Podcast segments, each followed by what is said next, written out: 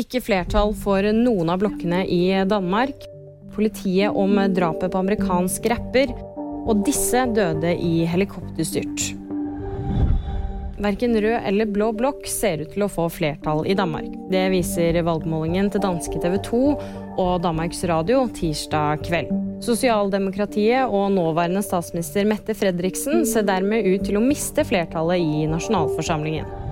We have no reason to believe that he was involved in anything uh, criminal at the time. Det sier politisjef Troy Finner på en pressekonferanse. Rapperen Kersnik Ball, bedre kjent som Takeoff fra gruppa Migos, ble skutt og drept på en privat fest i Houston natt til tirsdag. To andre ble også skadet i skytingen. Politiet etterlyser nå tips fra de som var til stede.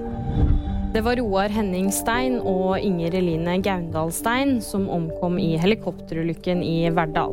Begge var 68 år gamle og passasjerer om bord i helikopteret. I tillegg så ble én person alvorlig skadet i ulykken. Vedkommende tas hånd om av helsevesenet. Helikopterturen var i forbindelse med en fritidsreise, sier politiet. Det er for tidlig eh, naturlig nok å si noe om årsaken til ulykka.